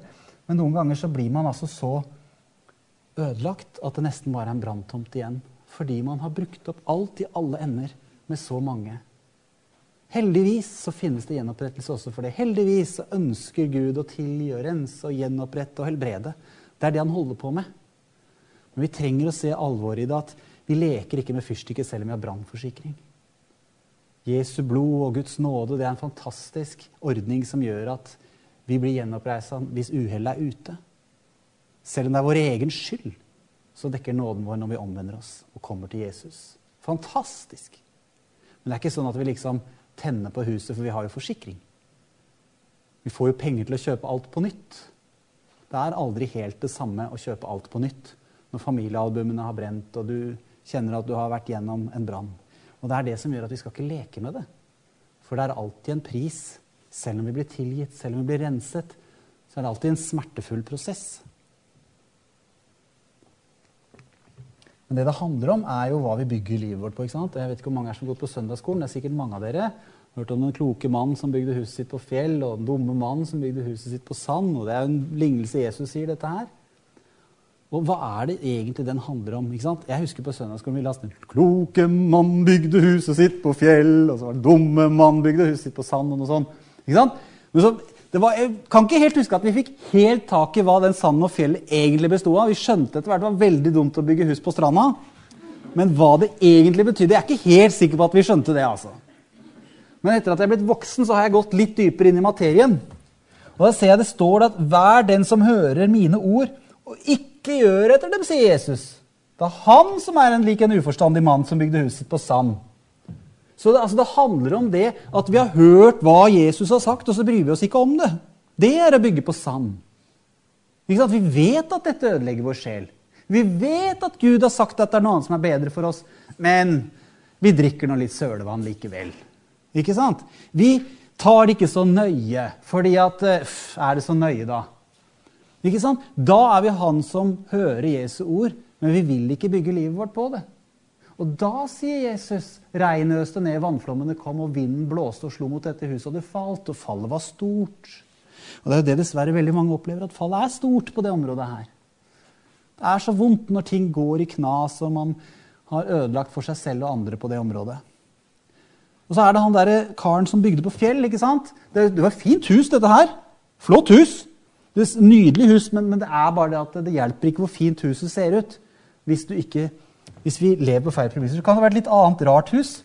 Kanskje ikke fullt så fancy, men det er bygget på fjell. Og hva er det Jesus sier der? Jo, han sier at hver den som hører disse mine ord og gjør etter dem, han vil jeg sammenligne med en klok mann som bygde huset sitt på fjell. Og regnet øste ned, vannflommene kom, og vinden blåste og slo mot dette huset. Men det falt ikke, for det var grunnlagt på fjell. Det at vi tar et valg, at Guds ord og Guds vilje skal være autoritet i livet mitt, det er å bygge huset sitt på fjell. Og da står det at huset ikke skal falle. Det er et fantastisk løfte. Det handler ikke om at vi er fullkomne, men det handler om at det er ikke nødvendig at det huset ramler ned og ramler ned. Noen tenker sånn Ja, det er ikke så greit, vet du. Vi er jo bare ufullkomne mennesker. Og jeg, jeg havna i seng med den dama. Jeg, vet du, det, bare, det er bare et menneske. Så huset det ramla ned, det. Så han prøver å bygge det opp igjen, da. Og så får vi se. Jeg vet du kan ikke love noe, men det er jo bare et ufullkomment menneske, så kanskje det skjer igjen. Men jeg håper ikke det. Det er helt feil holdning. Det trenger ikke å skje i det hele tatt. Det som har skjedd, har skjedd, og det er dekket av Jesu blod. Og han vil reise oss opp og rense oss og gi oss en ny start. Og det er fantastisk. Uansett hva vi har vært igjennom, så vil han gi oss en ny start. Men det er ikke sånn at det huset trenger å ramle ned og ramle ned og ramle ned og bygge opp igjen. For Jesus sier det, at hvis du bygger på det jeg har sagt, hvis du vil følge mitt ord, hvis du gjør det til en standard i livet ditt, så trenger ikke huset å falle. Det går an å leve rent. Du trenger ikke å falle på det området. Men hva er det å falle, da? Tenk om jeg var, liksom, jeg var innom en nettside her i forrige uke, og det skulle aldri vært Nei, det fins det også renselse for. Eller at det, mange ungdommer jeg, jeg, jeg, har den her Uff, det er, ja, Nei, nå, nå, skjedde det igjen, liksom. Kommer til dette med onani, da. Mm, ikke sant? Er jeg nå ute av Guds nåde? La oss ta det med en gang. Det står ikke noe i Bibelen at det er helt greit å onanere. Så jeg vil ikke stå her og si at det skal du bare gjøre. Men det står heller ikke noe om at det er den verste synden, og det er det som er å synde mot Den hellige ånd. Så det skal vi i hvert fall ikke tro. Faktisk så er det seksualitet litt sånn på avveie mange ganger. Fordi det gjør at det setter tankene våre på sex uten at det har noe med en ektefelle å gjøre. Uten at det har noe med pakten å gjøre. Uten at det har noe med det Gud har planlagt. Så det er en avsporing som regel. Og veldig ofte fører det med seg fantasier og sånne ting. Og da er det ikke selve handlingen i seg selv, men, men det fører så mye rart med seg. Sånn at det er ofte en grunn til at man får dårlig samvittighet, fordi man har surra seg inn i masse fantasier og ting og tull og tøys rundt dette her, som gjør at det er en grunn til å ta et oppgjør med det. Men når det er sagt, så er det ikke sånn at liksom, fordi man har falt i det én eller hundre ganger, så er liksom, da bygger man ikke på fjell. Man kan fortsatt bygge på fjell og starte på nytt om man har falt 18 ganger i noe man opplever at var et fall. Og det er faktisk ikke sånn at dette det er ikke engang nevnt i Bibelen. Det som står om onan i Det gamle testamentet, det handler ikke engang om onani, som vi har det navnet fra. Det handler nettopp om en, at i Moseloven så sto det at hvis eh, broren din døde, og han ikke hadde noen etterkommere, så var det din plikt å ta den kona også og, gi henne, og, og, og ligge med henne, sånn at hun fikk etterkommere etter broren. Og Det var en ordning for at familien skulle overleve under Moseloven. Og det han gjorde, var at han lå med dama, og så hoppa han av før han fikk utløsning. Sånn at han fikk ligget med dama, men hun ble ikke gravid. Det var en synd. Å utnytte Moseloven til å få et ekstra samleie uten å gjøre det av den hensikten som Moseloven hadde bestemt, nemlig at det var for at den broren skulle få etterkommere. Det var en synd. Det var onans handling. Det står ingenting om at onan onanerte. Så når det er sagt, så må vi liksom passe på at det er ikke det det handler om. Det som er viktig, er hva som skjer i hodet vårt. For Jesus sa det at den som ser på en kvinne for å begjære henne, har allerede begått ekteskapsbrudd med henne i sitt hjerte. Og det er jo det som ofte skjer, ikke sant? at det blir en ond sirkel. Med nettporno, med fantasier, hvor man ikke klarer å se på noen av motsatt kjønn uten at man med en gang bare ser uh, kjønnsorganer og kroppsfasonger og ting som handler om sex. Det vil Gud befri oss fra. Det som var fantastisk for meg da jeg var tenåring og var eller begynte å bli nærmere 20 år og var ungdomsleder, så hadde jeg masse søte jenter i ungdomsklubben der og skulle tro at det var et problem. Men det var ett vers som kom til meg som bare forandret hele min holdning til de jentene, tror jeg. Og det var at det sto i Bibelen at du skal se på de unges kvinner som søstre i all renhet. Det bare falt ned i meg. Det er jo søstrene mine. Jo, kjære noen. Du driver ikke og begjærer søstrene dine. Er du helt pervo, liksom? Altså, hallo! Det er én dame som jeg skal være sammen med, den som jeg treffer, den skal gifte meg med henne. Det er greit. Men alle de andre er jo søstrene mine. Ikke sant? Jeg kan være stolt av søstera mi, for hun er så flott. ikke sant? Der har Gud gjort en god jobb, altså. Og det er veldig forskjell på det hvis du ser en skikkelig flott jente eller en stilig fyr. ikke sant? wow, der har Gud gjort en god jobb. Oh, Gud, gi henne en skikkelig bra mann. Det er kanskje ikke meg, men og hun trenger en skikkelig bra mann. ikke sant? Eller han fyren der, han er så stilig, og han har humor. og han, wow, og Det er ikke sikkert han skal bli gubben din. vet du. Det er ikke sikkert dere ville passe sammen. Ikke sant? Det, det er ikke sikkert at det ville vært lykken selv om han er så kul som han ser ut på utsiden. Kan heller be for noe. vet du. Fint at du kan, Jeg ser at han der har du lagd, for han er skikkelig stilig. Ja, det, må, det, er bare du som kan lage folk sånn. vet du. Men, men så, gi han en dame som kan passe litt på han, så han ikke blir for høy på pæra. ikke sant? En skikkelig dame som, kan, som han trenger. ikke sant? Og så kan vi be for folk. Så kan vi velsigne folk. Og så kan vi se på blant de som er våre brødre og søstre i menigheten og i bibelskolen. Og de, det er søstre. ikke sant? Det er brødre. Det er familie. Og for meg ble det en sånn at jeg, det var helt uaktuelt de årene jeg var ungdomsleder, i det hele tatt å bli forelska i noen av de jentene, selv om de bare var et år eller to yngre enn mange av de. For de var jo søstrene mine.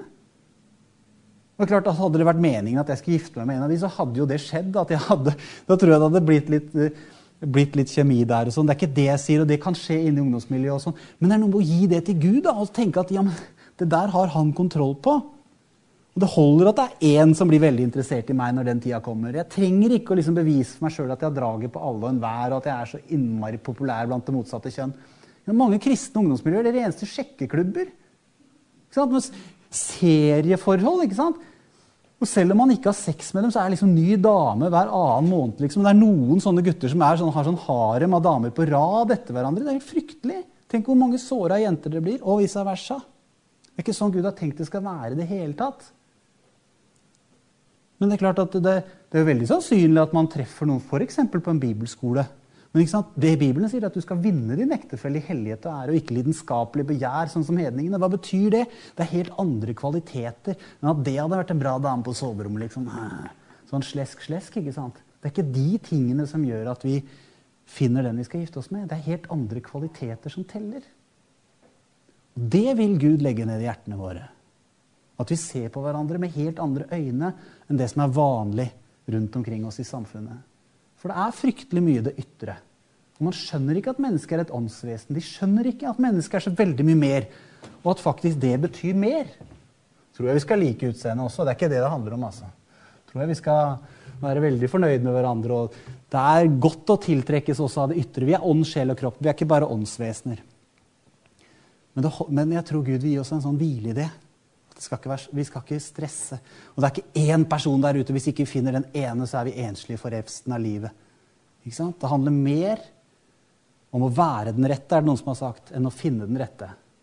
Hvis vi bygger karakter, hvis vi holder oss nær til Gud, hvis vi er reale, så blir vi en person som mange vil kunne trives sammen med. Men hvis vi bare er opptatt av å finne best mulig partner, bare er opptatt av den andres egenskaper hele tiden, så er kanskje ikke vi så mye å samle på til slutt. Og jeg tror faktisk det fins flere der ute som kan bli en bra ektefelle. Jeg husker da jeg traff Maren, så var jeg veldig sånn Her er det det riktige? Liksom. Er det liksom, det var jo så fornøyd med henne. Vet du, jeg hadde så lyst til å bli sammen med henne. Og da var det akkurat som jeg fikk en sånn Det bare kom inn når jeg satt og ba. Så var det akkurat som om Gud skulle snakke til meg. Det var en tanke. så det var ikke, Jeg skal ikke ta dette som Bibelen, altså, men det kom en sånn tanke til meg så tydelig som ga meg fred. At det er ditt valg. Men jeg vil gjerne vise deg hva som er det beste. Ikke sant? Det er min teologi der, altså. Som jeg mener at jeg har full dekning for i Bibelen. At vi skal vinne en ektefelle. Det er ikke bare å liksom oppdage den der åpenbaringen Gud gir, at det må være akkurat henne. Og hvis jeg går glipp av henne, så er toget gått. Han vil at vi skal vinne igjen, men samtidig skal vi ha Gud med oss i det valget. Vi skal be over det. Vi skal la Han vise oss hva som er de riktige egenskapene, både ved den personen og hvordan vi skal være. At vi skal bygge karakter. At vi skal være noen det er verdt å gifte seg med. Like mye som at vi skal finne den perfekte. Og det er en som har sagt det, vet du, at du, det kan være sånn at du kan gifte deg med den rette personen. Men hvis du behandler den rette personen feil, så vil du til slutt finne ut at du gifta deg med feil person likevel. På den annen side sier han hvis du gifter deg med feil person, og du behandler den personen som om den var den rette, så etter hvert så finner du ut at det var den rette likevel. vet du. For det er noe med det å bli behandla som den rette som gjør at de egenskapene kommer fram som er de beste. Og det handler om hellighet og ære, sier Bibelen. Ikke lidenskapelig begjær, sånn som hedningene.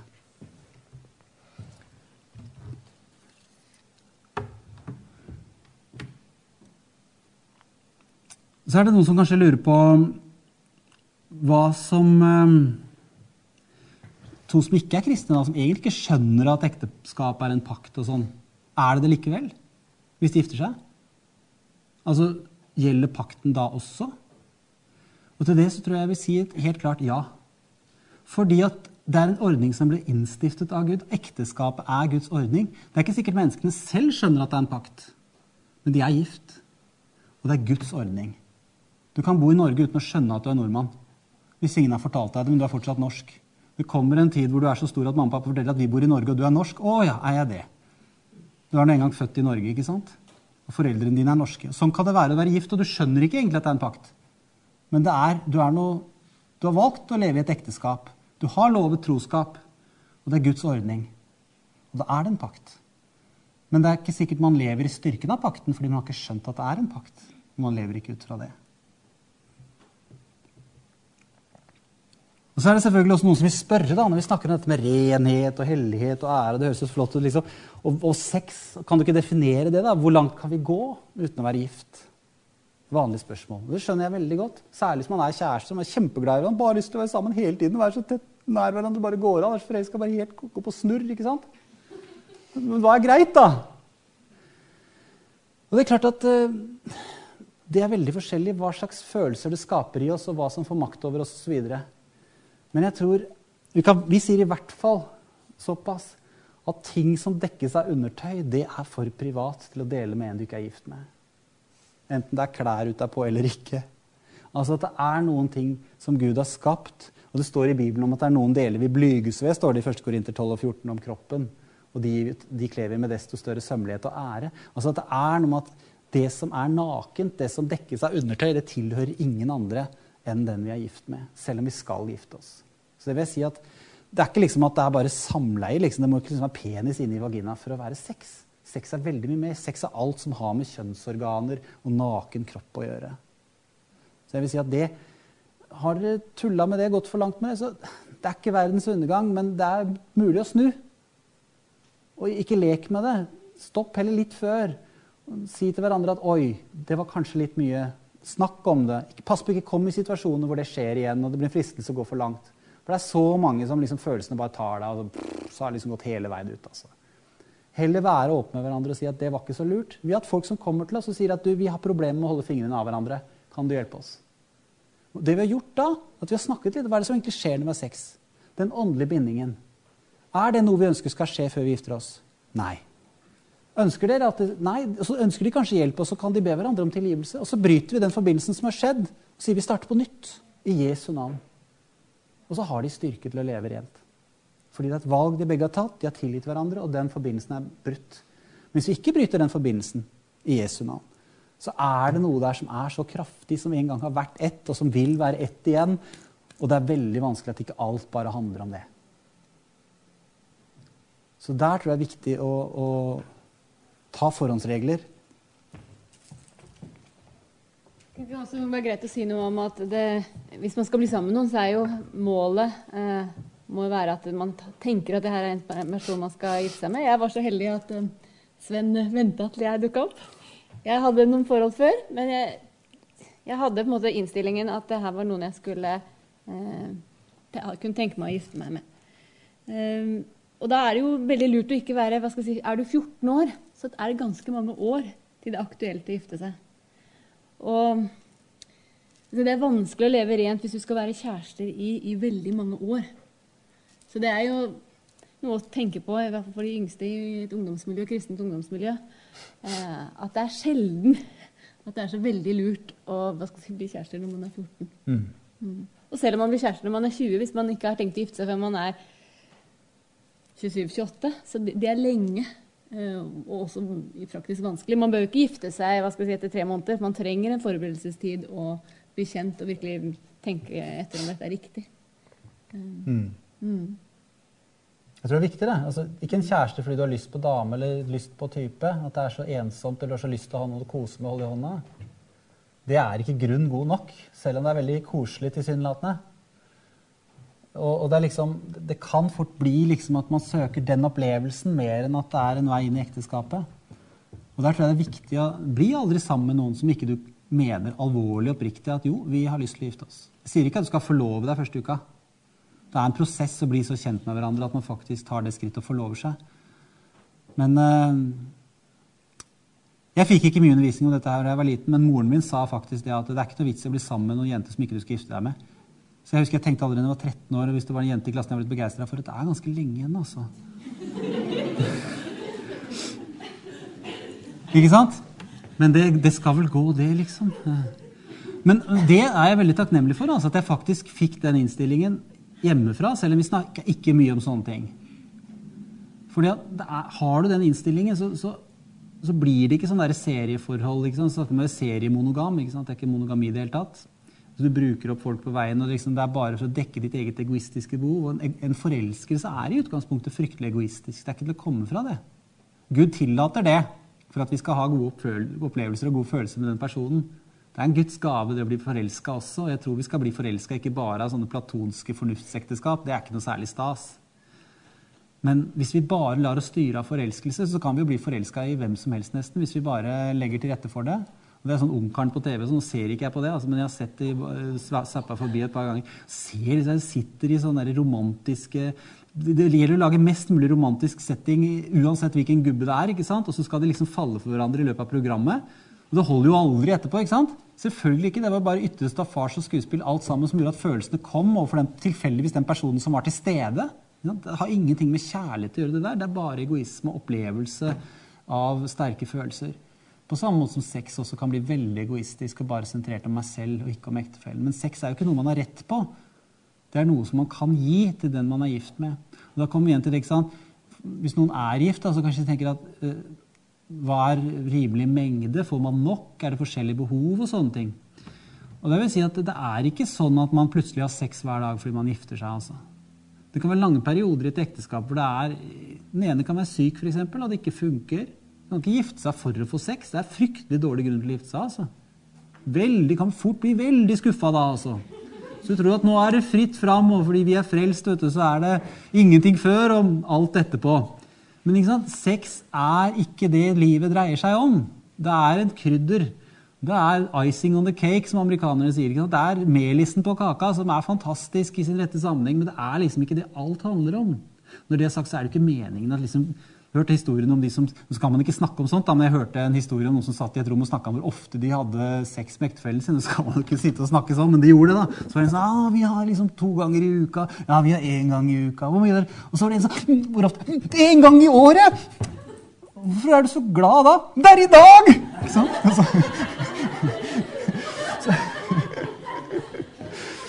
Så, det kan fort bli sånn fokus på liksom mengde og sånne ting. Og det blir veldig feil. For det er noe man gir til hverandre. Det er ikke noe man kan kreve å få så og så ofte. Og til og med kristne bøker begynner å komme sånn tall med hvor mange ganger i måneden som er normalt. og sånn. Det er helt feil, for det er så avhengig av livssituasjonen og sånn. Når det er sagt, så tror jeg sånn én gang i året, det var derfor jeg fortalte den historien, at det tror jeg faktisk er litt unormalt. Um, jo, men da kanskje man trenger litt hjelp. Da kan man bli med på en weekend. Eller man kan gå og snakke med noen. Ikke for å Ikke, ikke misforstå noe. Uh, man kan lære på den weekenden. Uh, og det, det, er derfor vi har, hatt, vi har hatt noen sånne weekender hvor vi har snakka om sex og kommunikasjon hele helgen.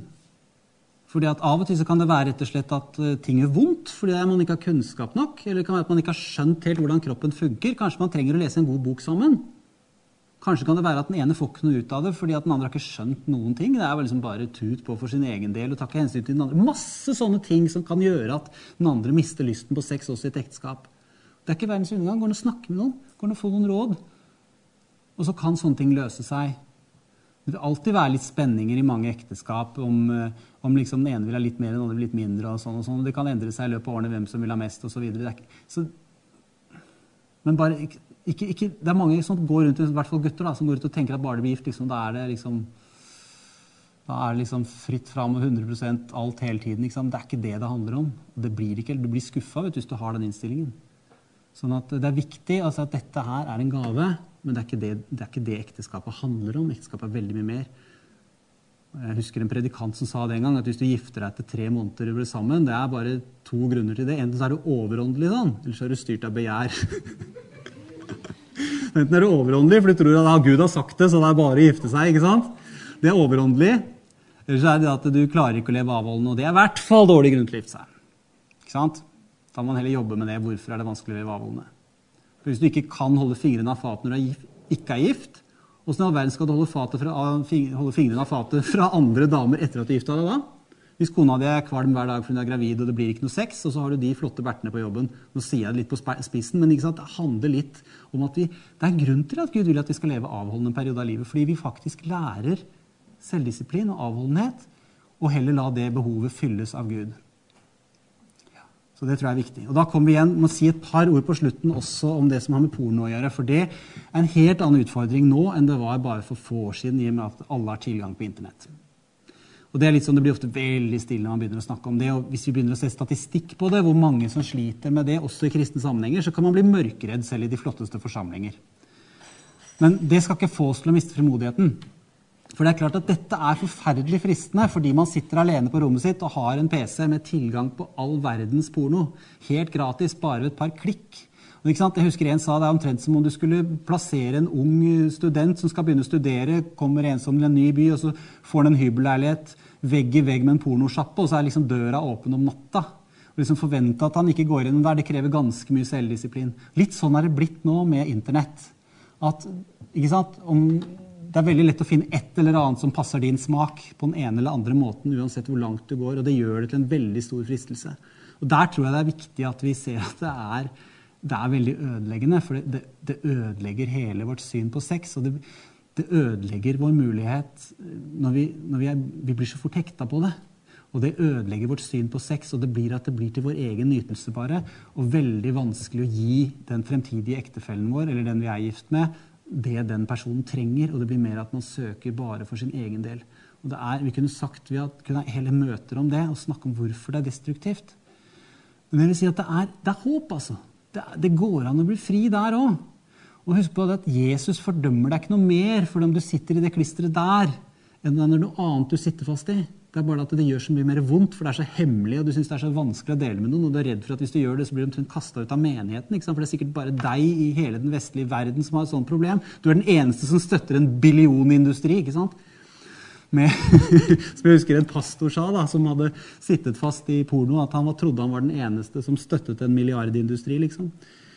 Eh, men det er jo mange andre der ute. Men det skal ikke få oss til å ta lettvint på det og tenke at det er ikke så farlig fordi det er mange andre. Det gjør det desto viktigere at vi, at vi gjør en pakt med våre øyne, som Jobb sier. At han ikke skulle se på en jomfru. Altså at vi rett og slett gjør en pakt med våre øyne. At vi lar ikke øynene våre hvile på andre damers pupper eller andre menns flotte kropper. Eller at det blir en kilde til seksuell nytelse og seksuelle følelser. Men at vi rett og slett kommer inn i en livsstil hvor vi begynner å se på andre som mennesker skapt i Guds bilde, og ikke som sexobjekter. For det vil ektefellen vår også merke den dagen vi blir gift, eller hvis vi er gift, at når vi ser på mennesker på den måten, så ser vi også på ektefellen vår som et objekt, som en gjenstand vi kan bruke til egen nytelse. Det er veldig destruktivt, og det merker kona veldig fort, altså. Det er ikke noe trivelig når de merker at her dreier det seg bare om hans eget egoistiske behov. For sex er jo som alt annet som har med kjærlighet og sånn å gjøre. Det er noe man gir, det er ikke noe man tar. Så jeg tror ikke vi skal gå så veldig dypt i akkurat det mer nå i dag, annet enn å si at dere kan også laste ned Det fins undervisning om det på nettstedet vårt, eh, bl.a. Eh, et eget møte der som handler om renhet, pornografi og Internett. Så det er nesten en, ti, ja, en times undervisning om det, hvis dere vil vite litt mer om det. Det fins også veldig bra nettressurser, bl.a. Eh, et amerikansk nettsted som heter xxxchurch.com. Ehm, det fins en norsk parallell som heter pornokirken.no. Eh, men den ligger litt nede. Den har ikke den kvaliteten som X Church har. fordi at de som driver med det, har ikke hatt ressurser til å holde det oppe og fornye det på den måten at det er veldig mye bra stoff der. Men den amerikanske nettstedet X, altså xxxchurch.com er veldig bra. Det fins masse ressurser. Blant annet kan laste ned gratis nettleser som eh, du kan bytte ut om du har Internett Explorer eller du har Safari på Mac. Så kan du bytte ut nettleseren din med den, så den sperrer de andre nettleserne.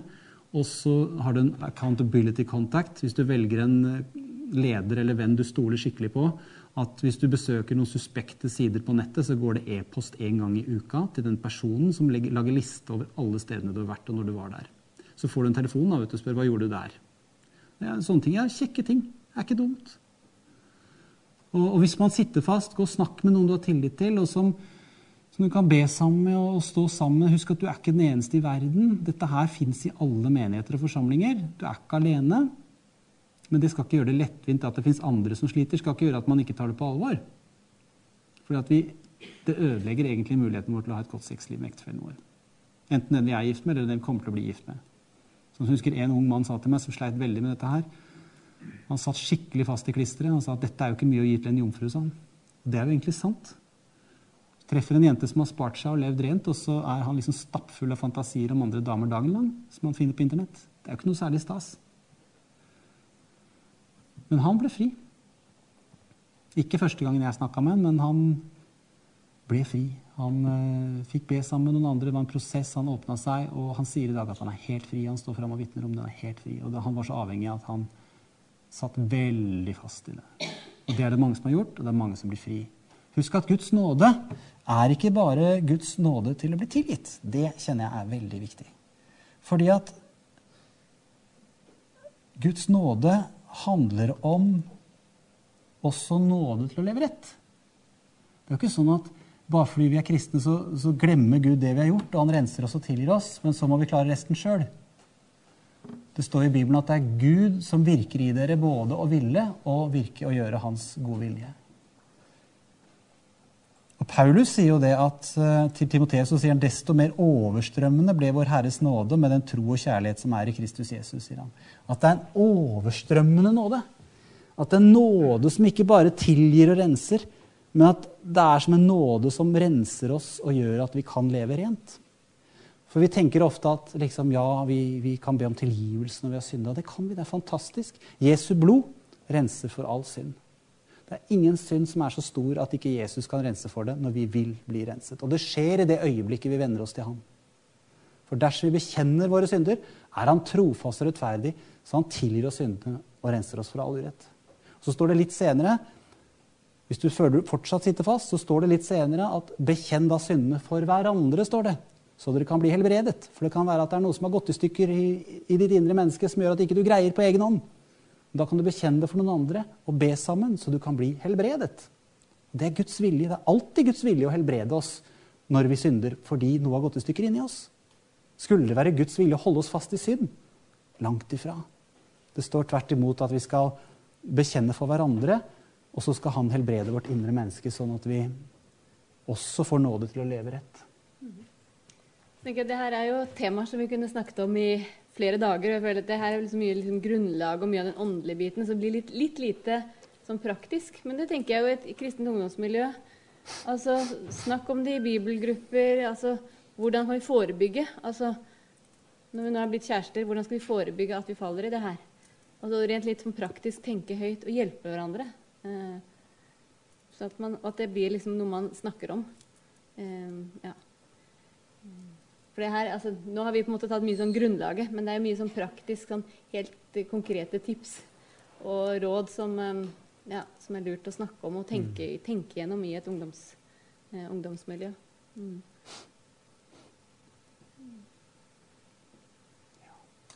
Ja, da tror jeg vi sier takk for i kveld. Mm.